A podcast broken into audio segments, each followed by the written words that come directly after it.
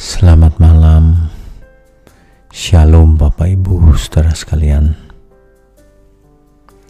Malam ini kita akan merenungkan satu kebenaran dari 1 Korintus 10 ayat 31.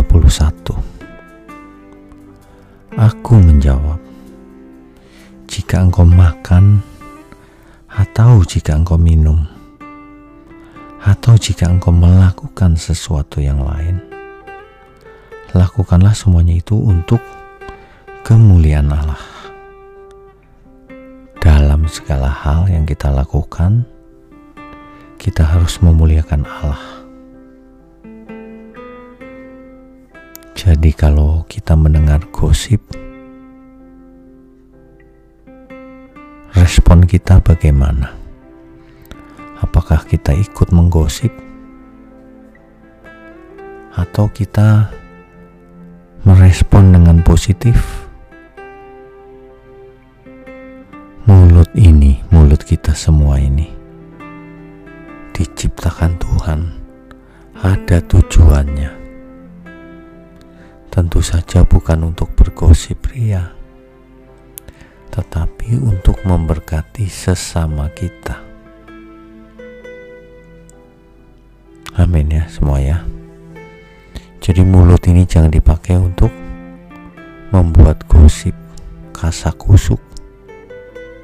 Apalagi kalau dipakai untuk memfitnah. Gosip itu terkadang keterlaluan sih saudara. Kita sebagai anak-anak Bapa di surga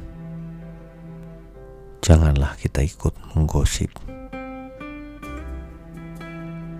karena hal itu tidak memberkati bahkan menjadi batu sandungan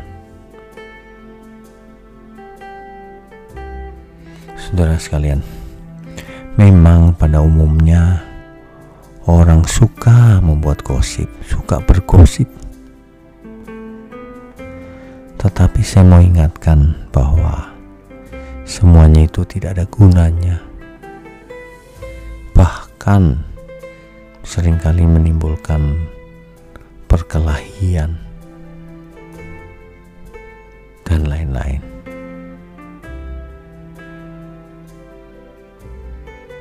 Gosip ini sebenarnya bisa juga ditumpangin oleh setan atau iblis